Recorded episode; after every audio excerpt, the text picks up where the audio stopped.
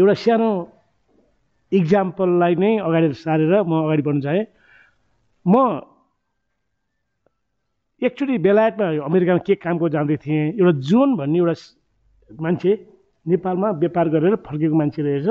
लन्डनमा हामी यो ट्रान्जिटमा बस्दाखेरि चाहिँ कुरा गर्दै गर्दा हात चिरायो म नेपालबाट भन्दा त्यो अलि हाँस्यो।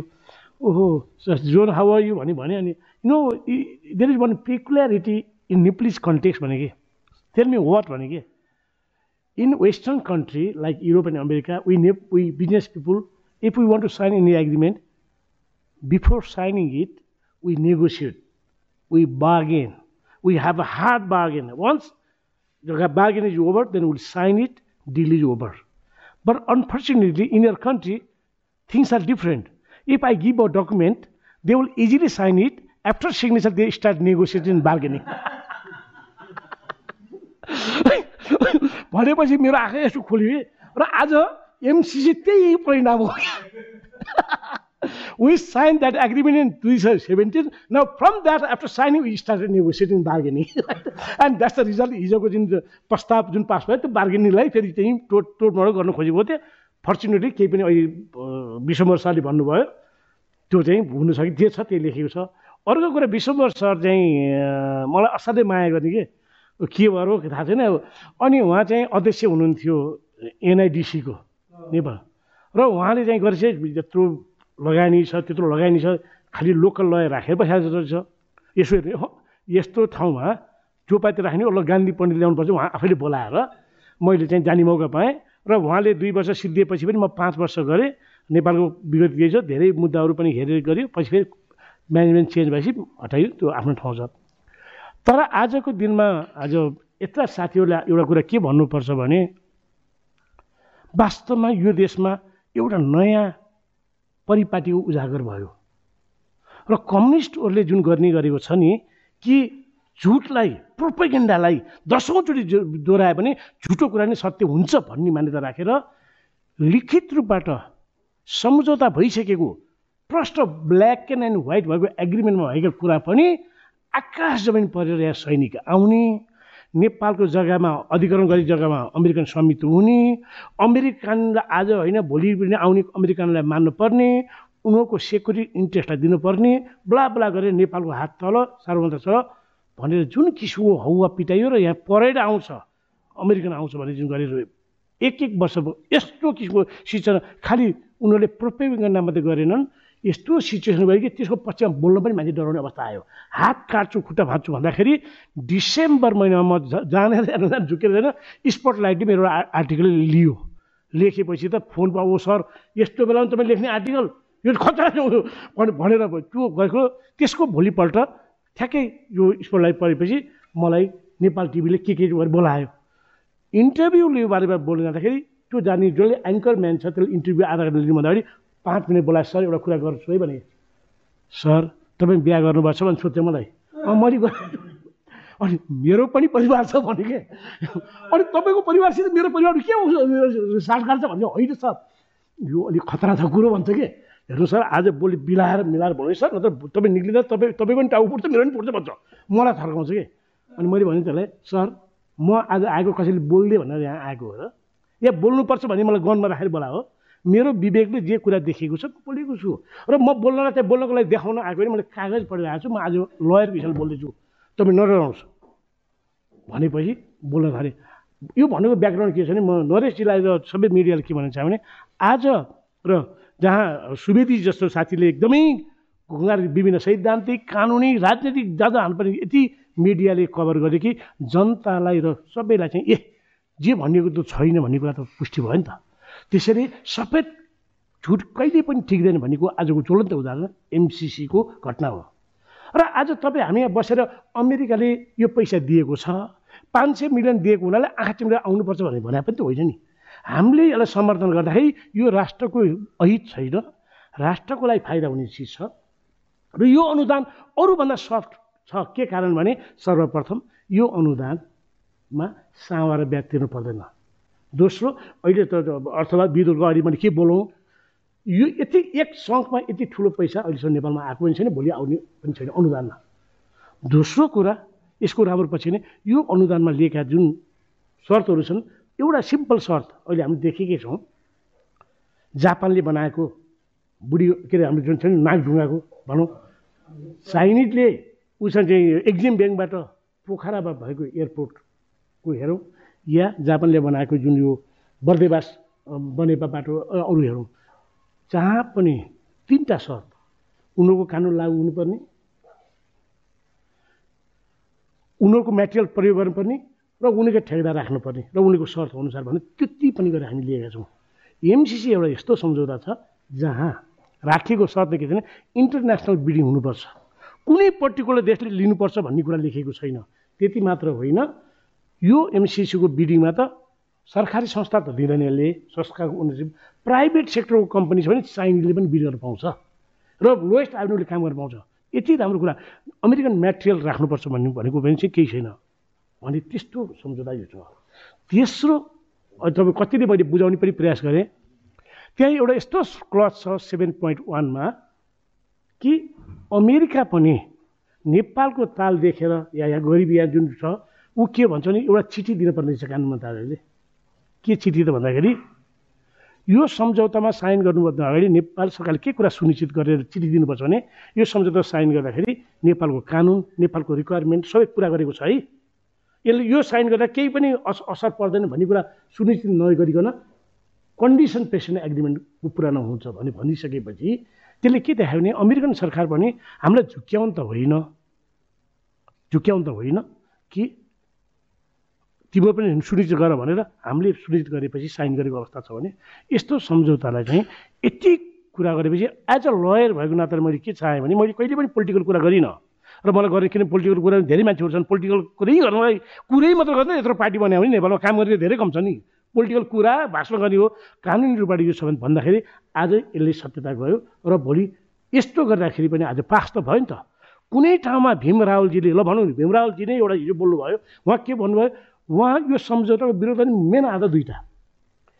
यो सम्झौता गरेपछि नेपालको कानुन तल हुने अमेरिकन आउने अमेरिकन सैनिक आउने र अमेरिकनको आजको र भोलिको कानुनलाई पनि पालन गर्ने पनि यो राष्ट्रिय समिति भनेको छ र यो आइपिएस अन्तर्गत पर्छ भनेको छ।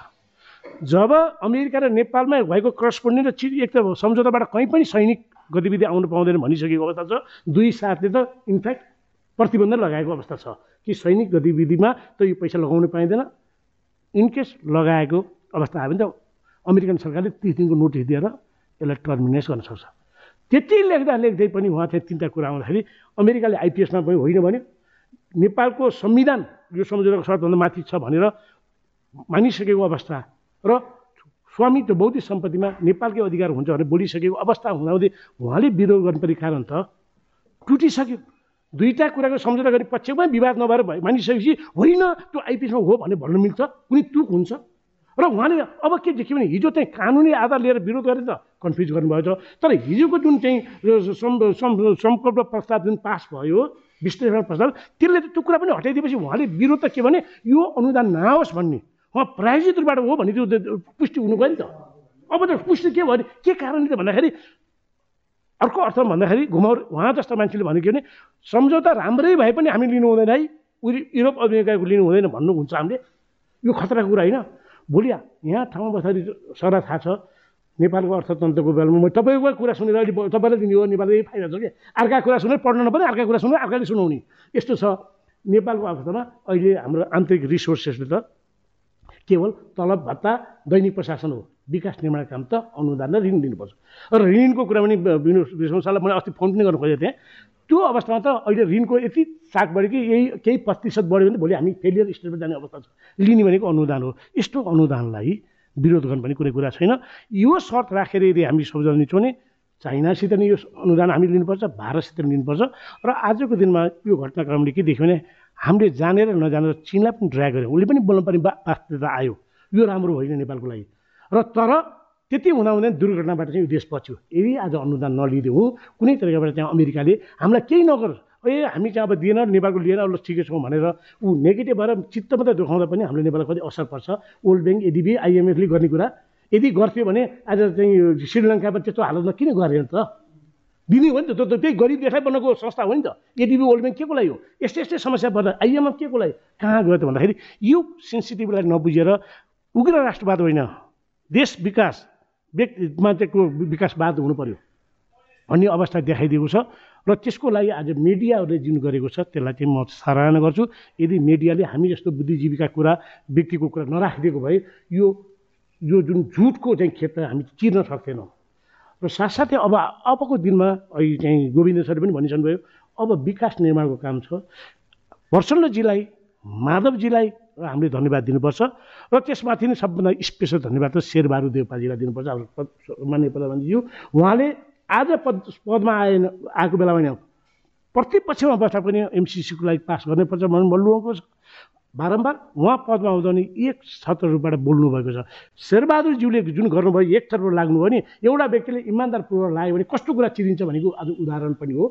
र यसले चाहिँ एउटा चाहिँ चाहिँ देशप्रतिको लाई देशलाई बनाउनुपर्छ भन्ने कुरामा उहाँले जुन किसिमको टिमलाई मिलाएर ल्याउनु भयो त्यो मान्नुपर्छ। र मलाई लाग्छ पर्सनल अब जति नेगेटिभ नगरौँ अप्रत्यक्ष रूपमा त हिजो एमाले पनि त समर्थन गरेको हो नि त। यदि उसले यदि सफ्ट विरोध नगरेको त पास हुन सक्दैन भन्नुको मतलब अब विकास निर्माणका कुरामा हाम्रा नेताहरूले केही गल्ती रियलाइज गरे होलान्। र अहिले सहमति त हो राष्ट्रिय समितिको रूपमा मान्नुपर्छ। र मान्दा मात्रै हामी के भन्नुपर्छ भने अब यसले के कुरा देखायो भने विदेशी अनुदान विदेशी सम्बन्धको बारेमा हामी राष्ट्रवादी हामी नेपालीहरूले आफ्नो पार्टीगत स्वार्थको लागि भने हलुङ्गो रूपबाट टिप्पणी गर्ने हलुङ्गो रूपबाट बोलिदिँदाखेरि के हुन्छ भन्ने कुराको आज देखियो। र यो गल्ती अब भोलि दोहोरिनेवाला छैन। राष्ट्रिय सम्बन्ध राष्ट्रिय रिलेसनसिप ऋण अनुदान लिँदाखेरि चाहिँ बडो विचार गरेर पुर्याउनुपर्छ भन्ने कुरा आयो। र अर्को कुरा चाहिँ मैले बारम्बार भन्ने गरेको छु नेपाल सरकारको यो बिउ टेक्नोक्रेट ब्युरोक्रेसी यत्रो इन्टरनेसनल लेभलको त एग्रिमेन्टमा जाने क्षमतै छैन। कारण के छ भने सिकाइएन। जुन किसिमको पोलिटिकल पार्टी भयो टेक्नोक्रेट बनाउने किसिमको सिस्टम बनिसकेको छैन। नत्र यो एग्रिमेन्ट आज हामीले एमसिसिओ एग्रिमेन्ट जुन साइन गरेका छौँ त्यो एग्रिमेन्ट नेपालको लागि भने बनाएको होइन। यो त इन्टरनेसनल फर्मेटिङको हो। त्यो इन्टरनेसनल प्र्याक्टिसेसहरूलाई केही क्लजेसहरू छन्। जुन कुरा हामीले नबुझे पनि त्यो इन्टरनेसनल मान्ने कुरा हो।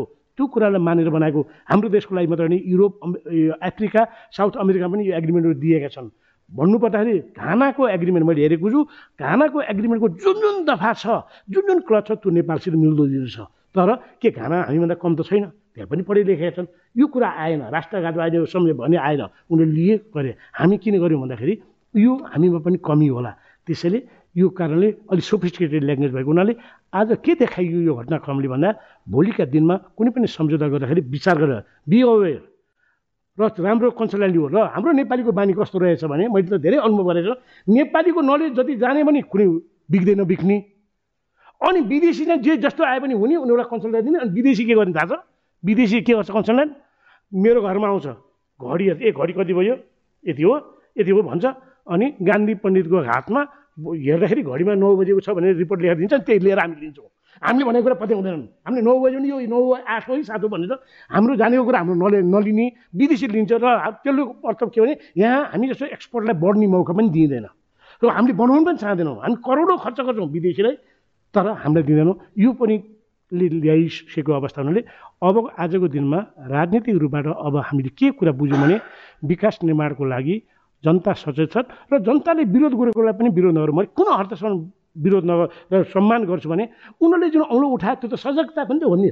अब आउँ आउँदा हिजो जे जस्ता भए भए भोलिका दिनमा देश भलाइ जनताको भलाइ र राष्ट्रियतालाई हेरेर मात्रै सम्झौता गर है। त्योभन्दा बढी आँखा आँखा चिप्लेर चाहिँ तिम्रो मन्त्री छौ तिम्रो सचिव छौ या तिम्रो कुनै कमिटी समितिमा छौ भनेर जे त्यहीमा साइन नगरे भने एउटा चाहिँ जनताको आँखा खोल्ने काम पनि गरेको छ। र अब रह्यो यी सन्दर्भमा हिजोको जुन यो व्याख्यात्मक टिप्पणीको बारेमा केही कुराहरू संसदमा पेस गरियो अहिले सरले पनि उठाउनु भयो हतार हतार गरेको वास्तवमा त्यस्तो टिप्पणी त्यति हतारले गर्नु हुन्थेन तर त्यसको दोषी पनि हामी हौँ।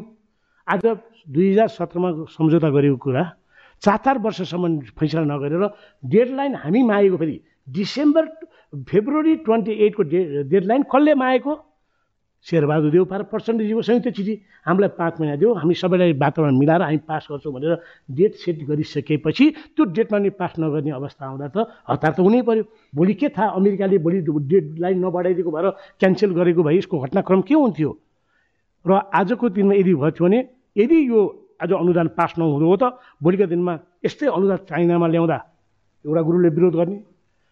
भारतले ल्याउँदा अर्को गुरुबाट विरोध गर्ने अनि हामी त्यो अनुदान। हामी सिटामोल र सानो औषध जो जीवन जल खान नपाएर सुदूरपश्चिममा मरेको चाहिँ मरेकोमा राष्ट्रवादको कुरा जागृत भएन। अनि हामी अझै यो देशलाई गरिब बनाउने कुरामा चाहिँ राष्ट्रवाद कुरा आउने यस्तो चाहिँ थोत्रो राष्ट्रवाद रियल राष्ट्रवाद विकासवाद।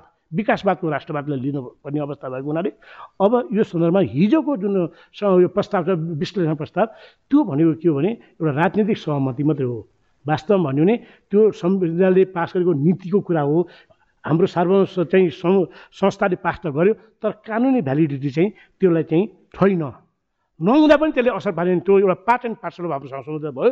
किनभने त्यो सम्झौतामा लेखिएका प्रत्येक दफासित हाम्रो सम्झौतामा भएको दफा पनि मिल्छ। साथसाथै जुन हामीले क्लिरिफिकेसन जुन एमसिसी चाहिँ मागेका थियौँ सेप्टेम्बर थियो थर्डमा र September nine eight two thousand twenty वानमा एमसिसी दिएको जुन जवाब थियो त्यो हुबहु हुँदैछ त्यसै हुनाले त्यसलाई अब यो लिगल भ्यालिड छ कि बाजिन्छ कि बाजिन्छ जान्ने पनि कुरा आएन। सम्झौता भइसकेको छ अब त्यो कार्यान्वयन जाने पक्षमा छ। अब रह्यो त कुरा के भने एउटा च्यालेन्ज। जसरी अपर्च्युनिटी आयो च्यालेन्ज चाहिँ के रह्यो भने अब यो सम्झौतामा एउटा महत्त्वपूर्ण कुरा इन्टरनेसनल बिडिङ गरेर ट्रान्सप्यारेन्ट रूपबाट हुन्छ कि हुँदैन। त्यसपछि पाँच वर्षभित्रमा यो सम्झौता कार्यान्वयन हुनसक्छ र साथसाथै त्यो गर्ने सन्दर्भमा के आयो भने अब नेपाल सरकार पनि कतिको एक्टिभ हुन्छ त?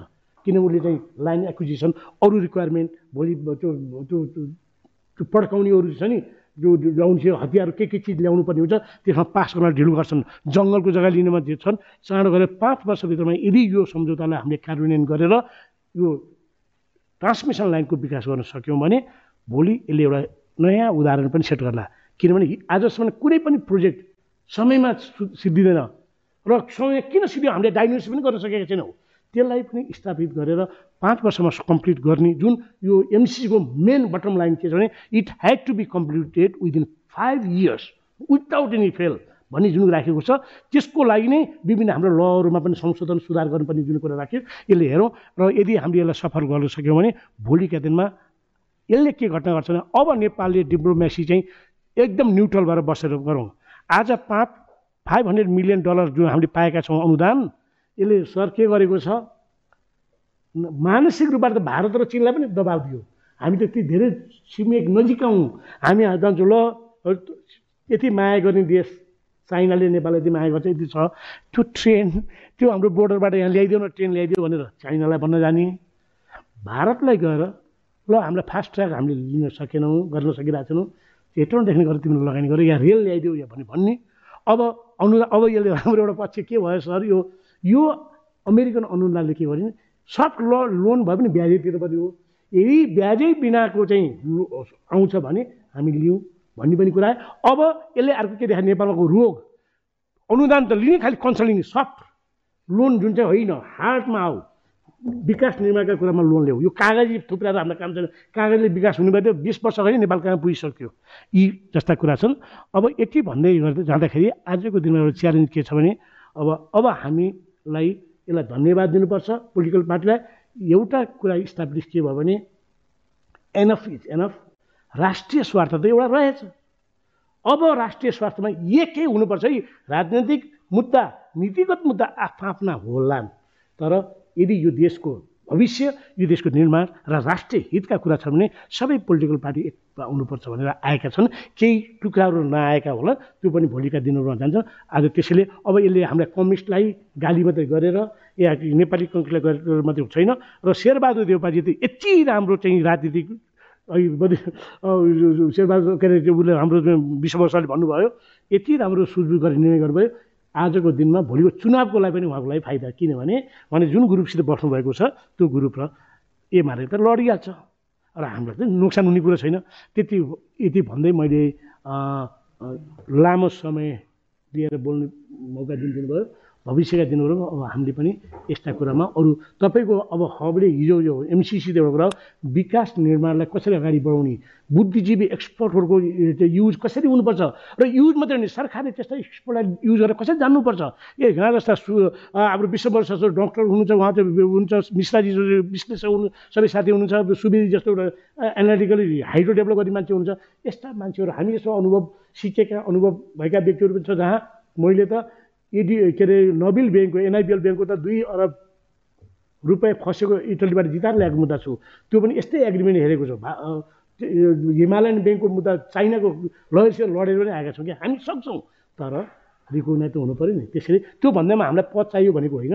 हामी पनि कन्ट्रिब्युट गर्न चाहन्छौँ। हामीलाई केही पैसा पनि चाहिएको छ।